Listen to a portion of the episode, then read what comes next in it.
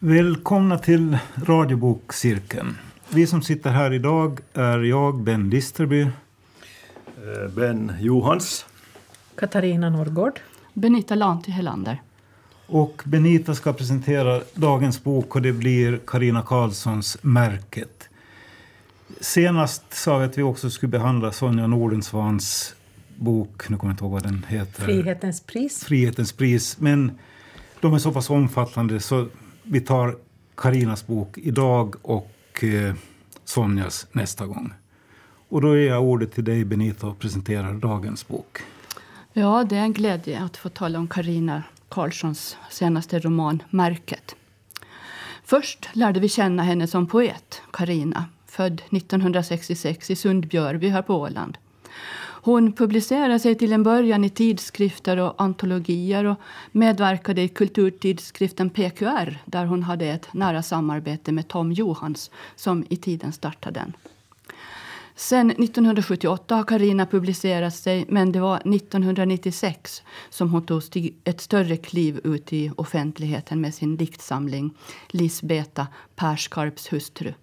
En kvinna ur 1660-talets häxprocesser på Åland. En epok och ett levnadsöde som hon återvänder till i sin senaste roman Märket. Till dags dato har Karina Karlsson gett ut 13 böcker. Förutom poesi, några faktaböcker, en barnbok och så de tre senaste böckerna som är romaner förankrade i den åländska historiska myllan. Hon har samarbetat med olika bildkonstnärer hon har översatts till engelska och gör med det medarbetat i poesitidskriften Ice Flow som senare blev en årsbok. Hon nominerades till Nordiska rådets litteraturpris 2017 med romanen Algot. Landskapet har nomineringsrätt, vilken Karina Karlsson har ifrågasatt att ska användas årligen. Hon anser att man kan invänta två till tre års bokutgivningar för att hitta den bästa nomineringen. Alltså inte nominera enbart för att man har rätt till det. Och ifrågasättande, det gjorde hon faktiskt i samband med sin egen nominering. Hon rör sig i tiden, går ut och in i tider som hon ger vardagsskepnad och liv. I romanen Mirakelvattnet är det slutet av 1800-talet. I Algot är det lilla ofredens tid och 1700-tal. Och den senaste romanen Märket som utkom i år, då är vi i 1660-talets Åland med häxförföljelser och processer. Häxprocessen på Åland, som utspelade sig mellan 1665 och 68 var en av de största och mest kända häxprocesserna i dåvarande Sverige. Rättsmålet var banbrytande eftersom det anses vara, det först, vara första gången trolldom sattes i samband med Satans förbund. I Karina Karlssons romaner möter vi alltså människoöden ur olika epoker. Det kommer obarmhärtigt nära i sårbarhet, utsatthet och elände. Men också i glädje och sorg är alltid trovärdiga, relevanta som människor att möta. Om livet är grått så skimrar språket och inte minst naturbeskrivningarna. Så är det också i hennes senaste roman Märket. Som blir opera och framförs i samband med Ålands självstyrelses 100-årsjubileum som firas 2021. Lisbeta för trolldom beryktad är titeln, kanske arbetsnamn. Det är Ida Kronholm som gör libretto tillsammans med Karina. Genom århundradena är människan i stort sett sig lik. Däremot är livsbetingelserna olika. Och om allt detta skriver Karina Karlsson inte enbart en bok eller berättar en historia. Jag vill påstå att i romanen Märket gör hon stor litteratur. Med romanen är hon till, alltså tillbaka hos Lisbeta, Perskarps hustru från Sund Persby. Denna levnadsglada, kompetenta, autentiska människa som fanns i Karina Karlssons debutdikter och vars liv stäcktes av en samling så kallade lärda män då häxprocesserna tar sin början i Svea rike här på Åland. Processer som även Jan Guillou har berört i sin bok Häxornas försvarare. Men hur börjar detta? Detta som resulterar i att sju kvinnor halshuggs och bränns på bål i Färgsunde. Vilka inom kyrka och rättsväsende tror den här tiden på häxor och blåkulla och bergtagna kvinnor? Kvinnor som anklagas för trolldom och för samröre med Satan för blåkullafärder. Det torteras, det hotas och över vintern sitter de på bara Hälleberget i fångkistan i Kuretornet i Kastelholms slott. Vilka är det som håller i rättvisa och kunskap? Inte är det en samling bönder som håller i maktspelet. Nej då, det försöker peka på vett och sans och på det oerhört felaktiga i påståendena om kvinnorna som de känner som bra och redliga människor i stort sett. Men nämndemännen har sin övermakt och vågar inte stå på sig. Ja, hur fick detta sin början? Jag vill titta lite närmare på det. Ni får vänta lite till innan ni får börja prata. Allt inleds hösten 1665 i Ingby i Jomala där man från två olika hushåll träsat på med rågtröskningen intill sena kvällen. Det är svett och möda, det är trötthet, det är fattigdom. Under tröskningen försvinner tre rågband. Eller försvinner det inte? Kanske någon räknat fel i vändorna? Några dagar senare hade försvunnit åtta rågband från en åker. I Emkarby finns huskvinnan Karin som räknas som klok och synsk. En sån som brukar veta hur saker och ting ligger till. Hon säger vad hon tror, vem hon tror har stulit, har tagit. Också hon hör till de fattiga, de trötta, de hungriga. Någon anklagas alltså och någon strider emot. Och så är trätan i full gång. Och Karin som ser och som besvärjer och som beskyllt någon för stöld kallas till tinget våren 1666. Och hör och häpna. Åtalet handlar om trolldom, inte om påstådd stöld. Och Karin är som hon är tycker som hon tycker, litar på dem som ska veta. Hon har bestämt sig för att berätta allt hon vet för de tolv nämndemännen på tinget. Hon vet inte skillnaden på sanning och lögn, men hon vet att de vet. De får fria och döma det som kan, tänker hon i sitt förvirrade armod. Det är inte enbart nämndemän vid tinget. Där finns häradshövdingen och prästen Nils Silander som fått sin utbildning vid universitetet i Dorpat. Vi lär oss att det var häxideologin ett stort ämne och häxprocesser var vanliga i Baltikum. Silander hade 1655 utnämnts till häradshövding på Åland och ville skapa sig en framtid. Dorpat-studerandena hade uppmanats rensa Östersjöområdet från trolldom och vår dubbelutbildade Silander har kommit till en liten ort där vanlig vidskepelse nyttjades. Här fanns underlag för hans kunskap. Kunskap och kunskap.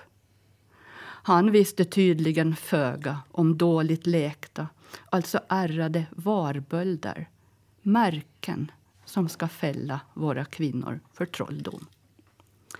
God hjälp får Silander genomgående av kyrkoherden i Sund, Brynjel Kjellinus Också han en grym mörksens man som faktiskt än idag får ståta med ett epitafium över sig och sin arma, plågade familj i vapenhuset i Sunds kyrka. I sitt förhör med vår synska Karin spinner Silander in henne i sitt nät med ledande frågor rakt igenom. Då han inte får Karin att erkänna att Satan pattat henne för han Silander har ju sett Satansmärket på henne. Då bläddrar han i sin stora bok, läser på tyska minsann och hittar bildbevis. Och nämndemännen förstår inte, men förstår precis ändå. Ja, alla vill vara de lärde till lags på något konstigt sätt. Till och med den åtalade Karin. För Karin har så stor respekt för kunskapen att hon tror att den som sägs veta vet. Och sen är hela angivarcirkusen igång med värsta tänkbara resultat. Detta är alltså bakgrunden och det är rätt vettlöst. Det är vinter. Kvinnorna hotas med att deras familjers hem ska brännas om de inte erkänner. Det skräms av präst och religion med att det kommer till helvetet om de inte erkänner. Kyrkoherden lovar Karin att hon ska få möta Gud, rentvådd och salig om hon svarar lydigt och mångordigt, det vill säga erkänner. Att vara beryktad med trolldom, det räcker för att inte få nattvarden, att inte få tillhöra församlingen den här tiden. Och det var något viktigt för folk. Så Karin, hon anger och anger och anger. Häradshövding och präst har en listig manual för sin felsökning. De vet precis vart de vill komma, med Karin och med vår Lisbeta. Tror de själva, våra herrar, eller är de enbart illistiga med sina ledande frågor rakt igenom? Och tortyren? De vill åt häxeri och trolldom och kan inte straffa Lisbeta, inte med halshuggning och bränning om hon inte bekänner. För ingen går till halshuggning och bränning om hon inte bekänner. Ingen går till böden och döden annat än på egen bekännelse. Och sen hotet om att riva hennes hem mitt i vintern till bränsle till häxbålet. Då sitter hon redan i kuretornets mörker och köld, pinad av tortyr dessutom. För att rädda sin familjs hem ljuger hon på sig döden. Hon erkänner trolldom. Katarina, Karina Karlsson bygger upp handlingen så spänningen ständigt lever. Trots att vi på förhand vet hur det ska sluta. Gestaltningen av Lisbeta är strålande. Även det grymma och grå, tvehågsenhet och vilja. Allt gestaltar Karina Karlsson så starkt och så rikt. Men det blommar i språket på samma gång som det är rakt. Det är linje i uppbyggnaden vad gäller händelser, relationer. Hon förmår så ut rädslans smygande tryne beskriva maken Pers ömma kärlek och våldfulla sorg barnens outhygg, ohyggliga utsatthet så vi känner det in på bara skinnet. Det finns en poesi i prosan som ibland är flödande, ibland korthuggen. Håller ni med? Absolut. Ja, ja, alla gånger. Tack, det var en mycket, mycket fin presentation och den täckte det här väl. Uh, här har vi det här allmogen mot de lärde. Men både prästen och häradshövdingen tvekar ju stundtals, alltså om de gjorde rätt. Men det fanns ju så mycket prestige i, i detta. Uh, jag pratade med Karina personligen lite om det här och nämndemännen här var var, de måste ju ge vika, men de var tuffare än i Sverige. Särskilt en Olof Persson som var en hedersman. Men man klarar ju inte av det här ändå. Men eh, det var en otäck tid, hela det här med, med häxeri. Och namnet Blåkulla låter ju lite gulligt nästan. Men det kommer från tyskans Blocksberg, som väl låter mer neutralt. Daghemmet i Mariehamn där mina barn har gått i centrum här heter Blåkulla. och, och jag har läst, liksom, tittat lite i Nordisk familjebok, den äldre upplagan från 1910. Att det, det, det var ju liksom sexorger och det var liksom fruktansvärt. Man kunde... Eh, det var något som hette bära. Det var alltså barnen till ett litet trollliknande väsen av en boll eller, eller nystans likt utseende. Häxorna fick bäror av Satan eller, eller föddes sådana efter samlag med honom. Alltså det här är ju alldeles fruktansvärt. Vad, vad säger ni om det här häxeriet? Man får ju en känsla av att de här herrarna ville gotta sig liksom i snaskigheter. Vad gjorde kvinnorna på Blåkulla? Och eh, här på Åland att det drevs fram så här hårt verkar ju som den här häradshövdingen ville göra sig en karriär och ett namn mm. som en effektiv häxutdrivare. Lite, lite så har jag uppfattat det också. att att uh, Silander han är ute efter att göra sig ett namn. Det kanske han här kyrkoherden Kjellinus är också, men han uppfattar jag nog mer som att han, han har nog något fel i skallen, alltså rent ut sagt. Att han, han är nog inte riktigt mentalt stabil heller. Jag kan inte säga hur det skulle vara med häradshövdingen, men, men, men eh, han känns ganska överspänd, den här kyrkoherden. Han misshandlar ju fru och barn. Och... Ja. Mm. Eh, Silander hade väl studerat i, i Dorpat. Ja.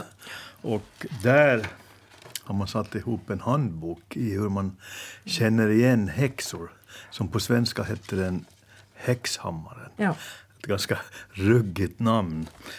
På order av påven så hade två lärda män skrivit en manual hur man ska göra när man ska känna igen häxor. Och det, det var ju mycket enkla tricks om man hittar ett ärr på kroppen eller en böld eller någonting som ju förstås var vanliga den här tiden på 1600-1700-talet. Mm. Och den magi tror jag som de här kvinnorna sa väl här att de inte hört talas om Blåkulla först. De kände ju inte till det här som var bekant på kontinenten som den här Silander kände till från sina studier i Dorpat till exempel. Där ja. de ju fick order om att när de går ut sen som studenter ska de jaga bort allt häxeri som han skulle rensa Östersjöområdet. Den, den, magi, eller vad vi ska säga, vidskepelse hellre, som kvinnorna här ägnar sig åt, det var det här oförargliga. Att man står och ropar på berg till exempel på skärtorsdagsmorgon att så skulle jo, det är djuren var skyddade. En magi som det var ju inte liksom, har gått över helt nuvat. Man, nej, och den var ju liksom, magin, ja. Folk, folk, ja. folktro. Mm. Det var ju liksom en praktisk sak. Liksom skrämma bort varg, skrämma bort björn. Det hade ju liksom ja. en praktisk Ja, det var ju så oskyldigt att han uh, vissa träslag skulle brännas och samla sjöskum. Jag menar, vadå? Ja. Och där var det ju någon båtsman från Tyskland som hade berättat om, om man ska bränna olika slags trä. Ja, precis det. Ja. Och det kommer ju från kontinenten. Jag, jag fick syn någonstans på att första häxprocessen var i Trier, alltså i Tyskland på 1230-talet. Men, det, men här pratar vi om de här åren mitten på 1600-talet. Jo, jag läste att i, totalt i Europa så brände man över 900 000 kvinnor. Så det, det, var ju väldigt... Men då höll man på från 1200-talet fram till 1760, den sista i Tyskland. Ja, jag tror England hade den allra sista. Jaha, ja, ja. ja nej, men jag vet inte säkert. Ja. Men... Ofta var ju det här kloka kvinnor. Kvinnor som var företagsamma och före sin tid med mycket och som var händiga på många sätt. Och ja. Avundsjukan frodades. Mm. Den här Karin från Emkaby då, som var den som, som startade hela med att börja ange andra. Hon hade kanske lite, samtidigt lite baktankar med att hon skulle nog minsann hon, folk som hade tittat lite föraktfullt på henne och så därför hon var fattig och, och eländig så, så ja, kunde ju alltid nämna deras namn då så får man se vad som händer. Men hon hade väl kanske inte en tanke på att det skulle gå riktigt så där långt. Nej, hon, hon var, var ju... Ja, förlåt. Nej, jag, jag, kan tänka mig att hon inte trodde eller hade en aning om att det skulle gå. Nej, nej, nej säkert inte. Men hon var ju en enklare kvinna och sån här, äh, torpar. Huskvinna. Huskvinna heter det. Äh, men jag läste någon annanstans att, att det var väl situerade bondkvinnor annars så som Lisbeta. Alltså, inga konstiga gummor i utkanten utan bondhustrur. Och, och just det här, det verkar ju så oskyldigt det här med, med den här lilla ritualerna med djuren, att de skulle ge bra med mjölk. Men, ja, det, ja. men någonstans i Karinas bok, jag vet inte om hon själv konstaterade, eller någon präst eller häradshövding, att eftersom det fanns en begränsad mängd äh, mjölk så till smör och ost, så då så tog den av någon annan så, så var det ju inte så bra. Till en början tycker jag att det där var väl inte så jäkla farligt om Satan hjälpte till att få mera mjölk och smör. tycker ja, du har varit, ja. köp, du har varit köpman. Så... Jo, jo, jag tyckte så till en början. Men, men om det nu finns ett, en pool, att det är begränsat, så då måste det ju fördelas. Det, det där hör ju till den här gamla folktron, just den här nordiska, att, att lyckan har, är, finns i en begränsad mängd. Ja. Och där, om, om du har god lycka med någonting så betyder det att någon annan har blivit av med sin. Ja. Och, och det var ju det som det handlar om. Oh, Okej. Men vad det här med, med just de här smör och mjölkprodukterna var ju viktigt. Jag hittade här i Nordisk familjebok eh, en bild av en målning. Jag kan läsa upp vad det stod under bildtexten. Den såg ganska läskig ut. Satan står och kärnar smör. En målning från 1400-talet i Ösmo kyrka i Sörmland framställer en trollpacka som i förbund med Satan kärnar smör. Bredvid henne två bäror i harliknande gestalt utspy mjölk i ett träkärl. Oj. Och det var en kuslig teckning. Liksom. Och den bilden finns den alltså? bilden hänger finns. en kyrka? Den hänger i en kyrka. Oj. Så att det var ju, vad ska vi säga, blodigt allvar detta. Men jag tycker det är så märkligt att de här studerade, så kallade studerade männen, eller de var ju studerade, går och tror på någonting sånt här. Ja, om de nu gör det. Om de, Ja. Vi var ju lite inne på att, Jag är lite de inne på- bara, jag menar att de ville göra sig ett namn. Men det är ju någon som tror på det, för den här manualen från Jo, no, det har du ju rätt finns det, det sant. allt det där finns. Ja. Men, jag Men menar, så ja, längre bak, liksom Jo, jo. högre herrar än dem. Ja. Liksom, så. Just det här Hur kan med, man vara så obildad? men just en ny prästgeneration så ifrågasätter djävulen. Och det läste jag någonstans att religiösa människor tycker att man slår undan fötterna för dem liksom, med hela gudstron. Man, man såg då att, att eh, djävulen, att det var psykiska sjukdomar som gjorde att man trodde på, på djävulen.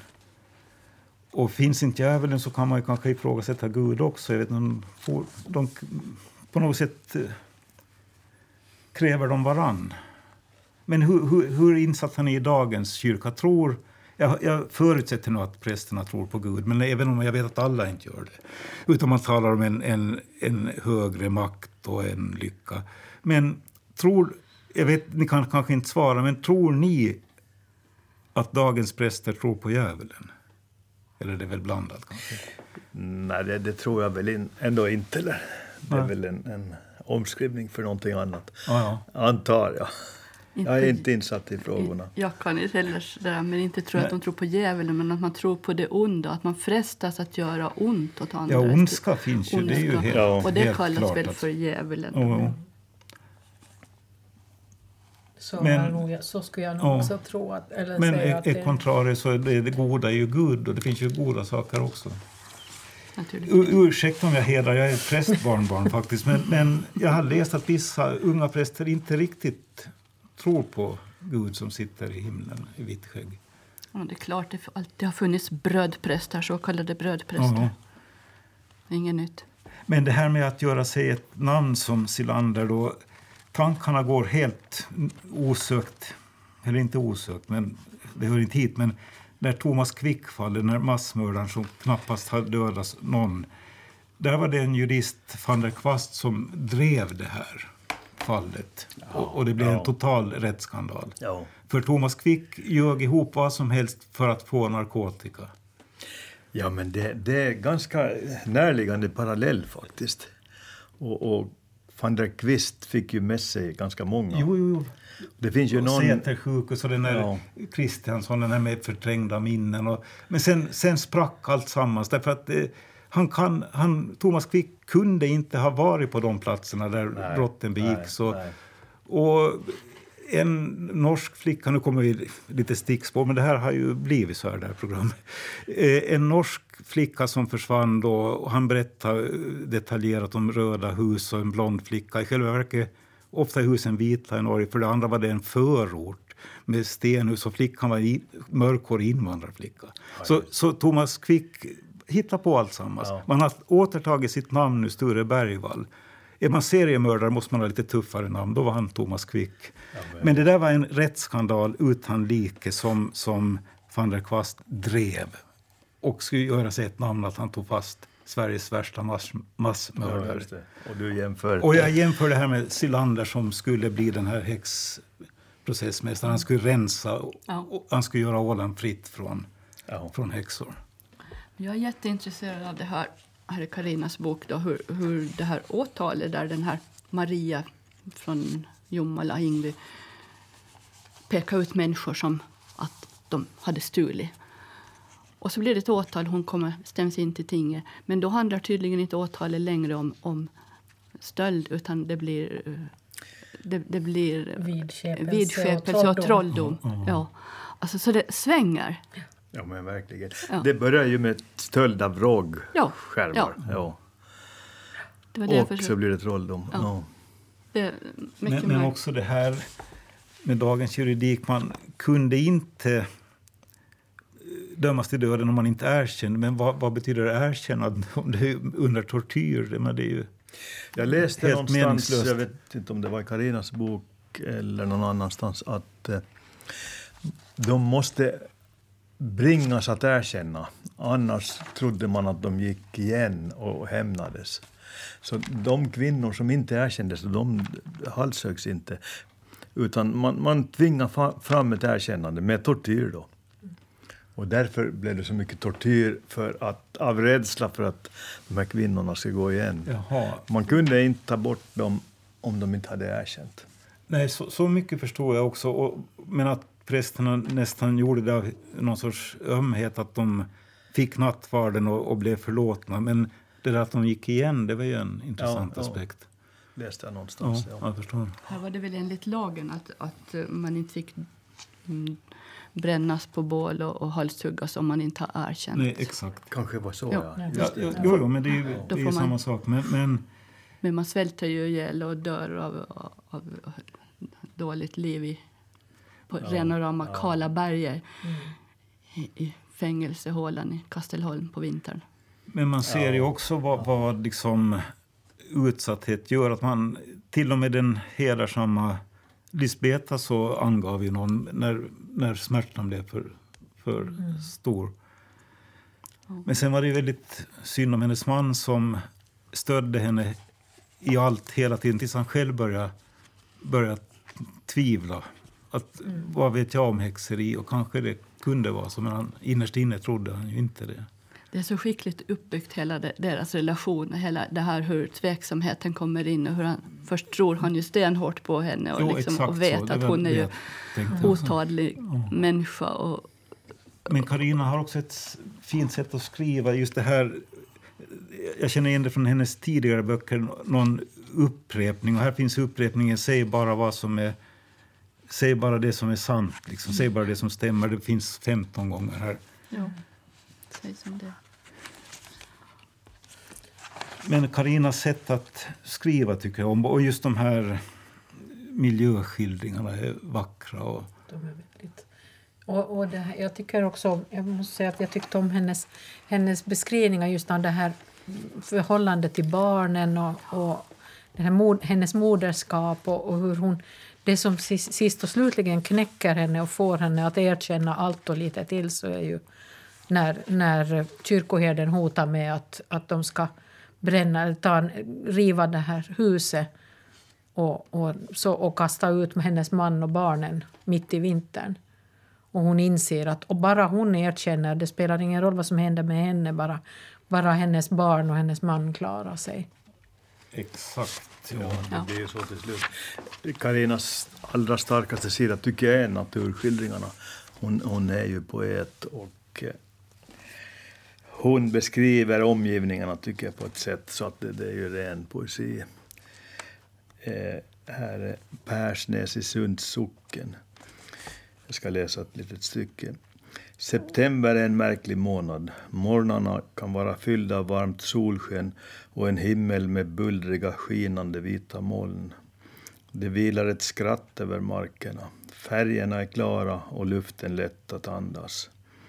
Några timmar senare, det har inte ens hunnit bli eftermiddag, har de bulliga molnen blivit platta och gråa. Himlen bakom dem vit och luften kall. Vinden ökar, kylan kommer långt bort ifrån men har burits av vindarna ända hit. Det är, man riktigt känner hur, hur vinden har vänt och blivit nordanvind och den kommer den här kylan som man känner igen. tycker jag hon gör skickligt. De är poetiska, de här naturbeskrivningarna, och, men de är aldrig fadda eller banala. Utan Ja. det, ja, de är helt fantastiska, tycker jag. Jag söker en sak som jag inte hittar. När, han var så olycklig Per på slutet och desperat att han kom inte ut. Han, det var som flugor mot ett fönster som, som strävar ut men tar sig inte ut. Mm. Men han blev ju djupt olycklig och fruktansvärt stygg mot pojkarna. Han blev ju knäckt helt enkelt. Sen den här svarta hunden som, som förekommer ofta. Så jag frågar Karina, det här slutet, kanske vi avslöjar slutet för läsarna nu, men det får bli så. En svart hund som, som förekommer och den jagar prästen och han var helt hysterisk, men det fanns inga spår sen när han eftersleden. Och hunden dyker upp nu och då är Lisbeta drömde om den. Men slutet är ganska vackert. Sonen Anders hittar, blir vän med den här hunden och hunden visar sin, den här tiken visar sin, sin valp. Och så slutar hela boken. Och jag frågar Karina vad tanken var. Hon mejlade till mig, jag ska se, jag skrev upp det ordagrant.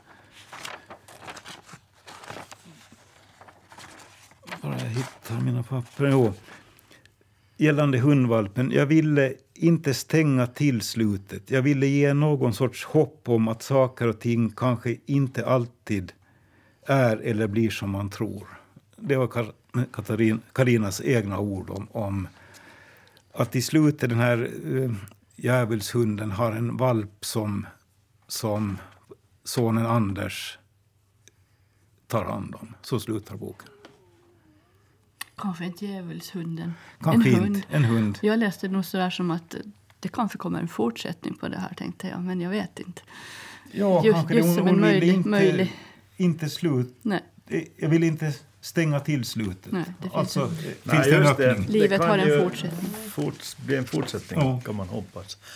Eh, och det är ju ett pos, någorlunda positivt slut. Lite Ja, ljusare. det kändes bra på något sätt. Kanske nästan det enda Nå- ljusa i hela boken. Ja, när man tänker på kvinnorna som satt ett år i... När va- fångvaktarhustrun var ju snäll och, och försökte pyssla om dem. Vad som var illa var att både dömda och icke dömda kunde samtala. Det var ingen ordning på någonting. Men det var också en snällhet. Men sista tiden tillbringade de ju i ett torn i Kastelholm. Fick knappt mat. De skrev att de var så utmärkta att de knappt kunde stå på benen. Smutsiga och eländiga ska de hals, föras till Färgsund och halshuggas. Och man, man måste vänta över vintern på att få en skarprättare från Åbo. Det var ju... Ja, det var det som var orsaken. Ja, herregud. Ja. Det som jag tänkte på, jag har lite eh, här, funderat på den här prästen, Brynhild Kjellinus, som, som Benita sa här så finns ju den här tavlan över honom och hans familj som finns i Sunds kyrka i, i det här vapenhuset. Det är en enorm sak på sån här träpanå. Den är ful, om jag ska vara alldeles ärlig. och den blir ju inte vackrare av att man vet historien bakom den där mannen. Eh, Men, men jag tycker att, att Karina hade skrivit lite så här, det var ganska vackert. Kanske inte om honom, men, men resten hon skriver, om jag får läsa lite kort här. Eh, Prästen herr Brynels ord, de är tunga och de är mörka. Inget solljus i världen kan lysa upp dem eller få dem att dansa. Det finns bara makt i de orden och rädsla och ingenting utöver. Har Brynhild Kjellinus sett att solstrålarna tränger sig in också genom de tjocka blyfönstren i kyrkan? Har han märkt hur de drar genom ljuskronornas hängen som en jättes hand, fast helt utan tyngd? Lisbeta har suttit med ett nyfött barn i famnen och sett världens ljus stråla ur spädbarnets ögon. För det finns överallt det ljuset och ingenting kan hindra det från att tränga igenom och lysa upp. Och det här var... Oj. Ja, jag, tänk, jag tänkte på samma sak med de här tunga, tjocka fönstren. Ja. Sen en... eh, Det kallas oväsen. Det är ett ganska konstigt ord för hela den här tiden och processen. Och oväsen för mig är liksom lite slammer och buller. Men det var det stora oväsendet, häxprocesserna. Men svenska språket har väl förskjutits lite. en nästan dråplig grej är ju den här skosmörjan, att det var liksom trollsmörja. Eh, bara för att rädda nu blandar jag ihop namnen med några kvinnor. men Lisbeta stal det av fångvaktarhustrun eh, på en smörjeltudd för att bevisa att hon ha, hade varit, var det, hade varit i Blåkulla och hon hade, hade då åkt. Man kunde tydligen smörja in en kvast eller ett djur, vad som helst, för att åka till Blåkulla. Och prästen då var lycklig att han fick den här och bränner den här eh, trollsalvan då. Medan det i själva verket var vanligt skoputsmedel. Eller medel för stövlarna. Alltså, det var ju lite naivt att tro så här, men så var det. Ja, och sen hjälpte hon den här änkan Ebba också. Jo, jo. Som ju var sån, sån ovanligt hederlig och, och, och rätt fram kvinna så ingen kunde ju riktigt tro först att hon skulle vara häxa. Det var, de, alla de andra var tydligen så här att det kunde man kanske möjligen tro på dem, men Ebba som var en sån hederskvinna, hur i all världen? Och hon var ju helt förstörd, den stackars människan. Så Lisbeta hjälpte henne sen Ja, att, ja. Med den här salvan. Hjälpte varandra att erkänna. Ja. Men det, antingen det eller den här hårda tortyren som ju Mm. var fruktansvärd. Det fanns ju en medmänsklighet hos den här fångvaktarfamiljen Ja. som nästan lite överraskade. I alla fall, de fick värme och mat och omsorg Ja. som, de, som de knappt hade i sitt vardagsliv, en del av de här kvinnorna. Jo, speciellt den här Karin, Karin, från ja. Emkaby som, Ja. som ju hade tydligen nog svält, svält ganska mycket men, men då när hon satt där hos fångvaktaren så där plötsligt så fick hon flera mål mat om dagen. Och, Och henne, hennes man tiggde ju i ja. Hammarna, måste det bli. Ja. Ja. Ja, de hade ju väldigt eländigt. Huskvinna, det var ungefär som att eh, ja, det var, var sämre än bakstusittare nästan. Ja, ja. Men också den här skildringen, man blir så glad när alla byar stämmer liksom, och allting är som nu. Allting är som nu. Du kan åka förbi eh, avrättningsplatsen. Jaha, vad... Ja, efter Färjsundsbron. En hög kulle. Jaha, all right. Tänk på det. Jag ska göra det. Men det skulle vara roligt om Karina skulle ordna vandringar med det här som hon gjorde. eh, Eh, Ja, det hon tror är inte på det. gång. Det är på gång. Det Ja, på ja, det- från Ja, Litteraturföreningen roligt. Det, det? det, Ja, kommer, det- det kommer information så småningom lite närmare. Ah, ja. För jag tänker alltid när jag far, far över Men det blir, det, jag kan säga att det blir inte i Färjsundet det, men att, Men det är ju det som är det intressanta. Varje gång man far där så är det, är det den där sidan eller är det den där Ja. sidan där eller där. jag vet ju att det är på Haraldsbysidan. mm. Som Nej, man, avrättningsplatsen är. man inspireras att titta på det. Hon kan ju verkligen sitt Sund. Ja. Och Sund är ju kulturens vagga med Kastelholm och Bomarsund. Allt finns i Sund. Absolut. Ja. Men vi har ju sådana... Jag tänkte på Erik Sundberg i Skeppsvik, han är död nu, och eh, Rolf Fällman i Saltvik. Det här är inget inlägg för kommunsammanslagningar, men, men de här... Det finns människor som är så ytterst intresserade av sin kommun och sin hembygd och kan allt. Och, och, Carina är ju verkligen en Sundskännare En sundsskildrare. och skildrare. Men, Men- hon är ju fena på att ta upp människoöden och ge- gestalta Man, dem man och ge skildrar dem ju kött och världen i ben. det lilla. Ja. Så är det. Ja, precis så är det. Ja. Jo, och världen också. Eh, det här är ju lite drevet går som journalister idag gör. Och någon blir liksom persona non grata och sen kommer mobben emot. Liksom. Och, Ja. som jag, det, här finns ju idag också. Att, och hela metoo. Och nå- nå- någon liksom... Men människorna är ju inte så annorlunda. Nej, och, och den här eh, förkärleken för tortyr blir man ju förvånad över när man hör alla vittnesmål från Syrien. Vad, vad fångvaktare älskar att tortera folk.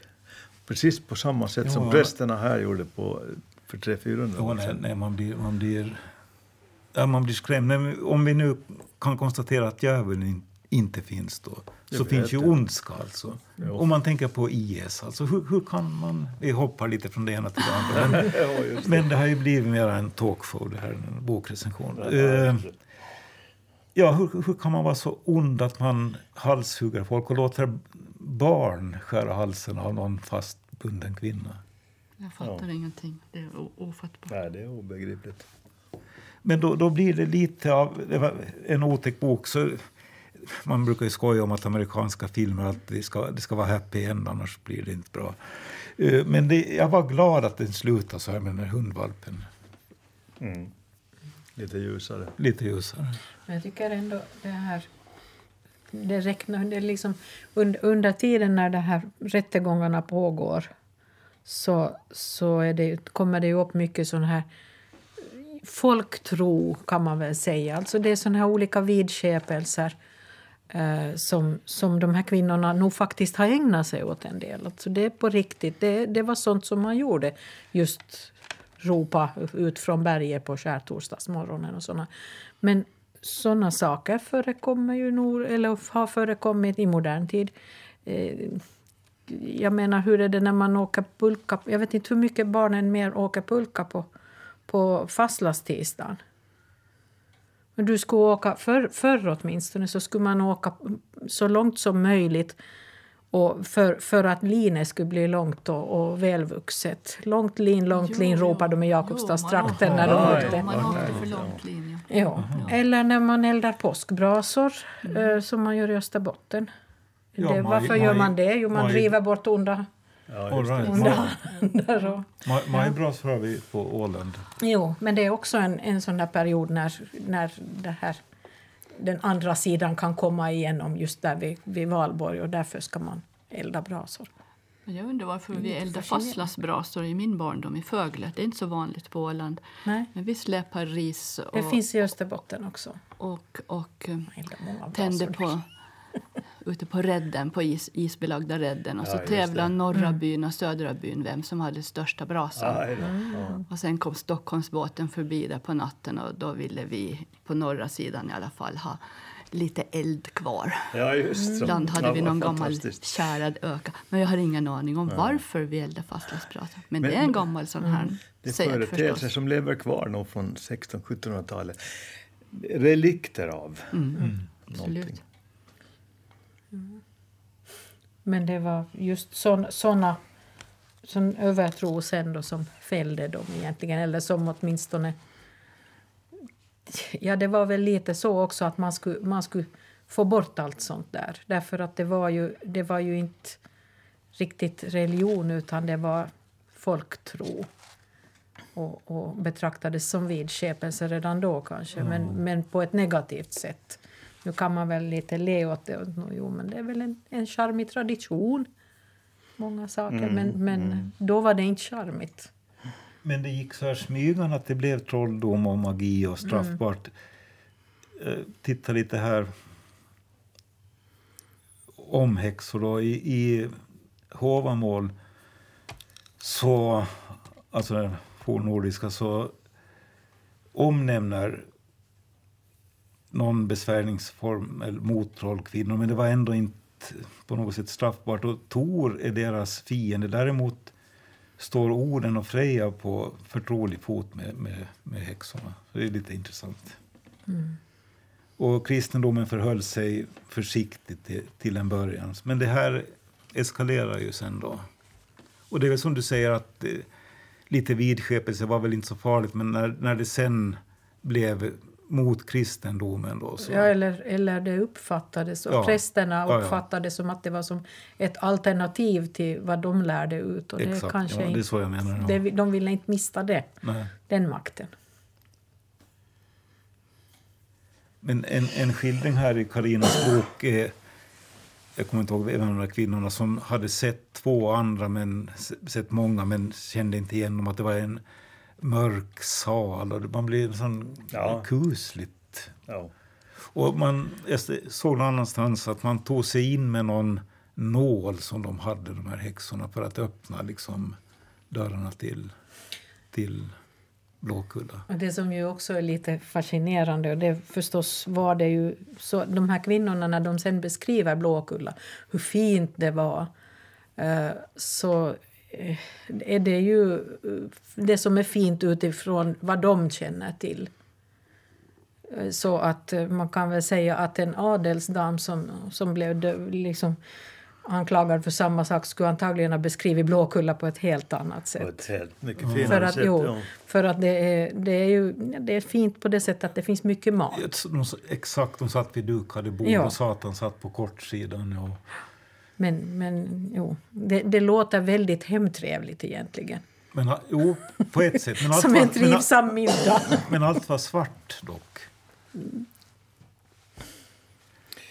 Men det fanns ju det här att kvinnorna... Jag tänker på den här eh, från... Vad hette hon då första? Från Jomala. Maria? Nej, Nej, hon hette Karin, va? Karin, Karin. från Nämkaby. Karin. Mm, Ja. Nej, men hon som, hon som ja, Ja. De, men i alla fall, de vill vara till lags. De liksom, som, som jag sa här att de, de blir förvirrade. De, de, vet, de, tyck, de litar på att den som vet vet vad som är sant. Och, och, och de är synska och kända för att vara synska och hitta saker och sånt här. Och det är ett faktum tydligen för dem. Och, och sen blir de förvirrade för så ska det inte få vara. Och så tänker de att ja, men de här lärda människorna, de vet ju hur det ska vara. Nu berättar jag hur allting är, vad jag tror och så breder de på och, och så ska de som vet få avgöra vad som är sant. Det är ju så grymt att man är så Ja. underdånig. I Europa så var det barn som vittnade om, om kvinnor. Mi- Min mor åkte iväg. Och, och så här. Så var det ju i USA också, de här häxförföljelserna Ja. i Salem. Så var det ju barn som angav vuxna och, och andra barn. Jo, jag tror Ja. det förekom i Ångermanland och Dalarna också i någon mån, alltså i Sverige. Men jag, jag stött på det där förut, men vad var barnens, var det bara liksom allmänna fantasier eller hade de något syfte med det? Eller bara, Kunde- Det var bara Nej, inte båda hade de något särskilt syfte tror jag. Det var roligt att berätta någonting. Är Roligt att få lite uppmärksamhet Ja, kanske. förmodligen. Och inte förstår, förstår ju barn hur, vad konsekvenser det kan få när inte vuxna har. Ser det heller.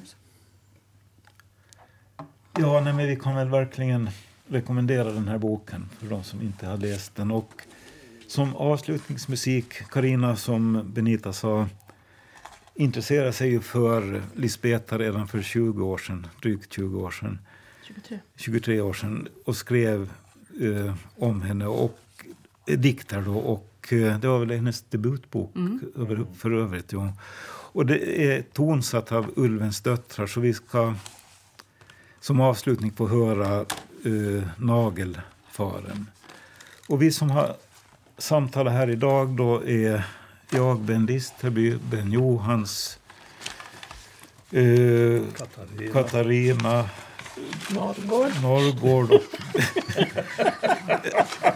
Och Benita Lahti Benita Helander. Lahti. Ja, jag, jag kan säga bakgrunden. I litteraturföreningen så blandar jag ihop två kvinnor. De är båda lika trevliga och eh, påminner om varandra. Så, så därav detta. Men det, det här var i alla fall Katarina. Nästa gång ska vi då tala om det vi egentligen ska ha gjort idag, men tiden medgav knappast. Det är Sonja Nordensvans bok som... Frihetens heter, pris. Frihetens pris heter den och det tog sändas den 20 maj. Tack för att ni har lyssnat.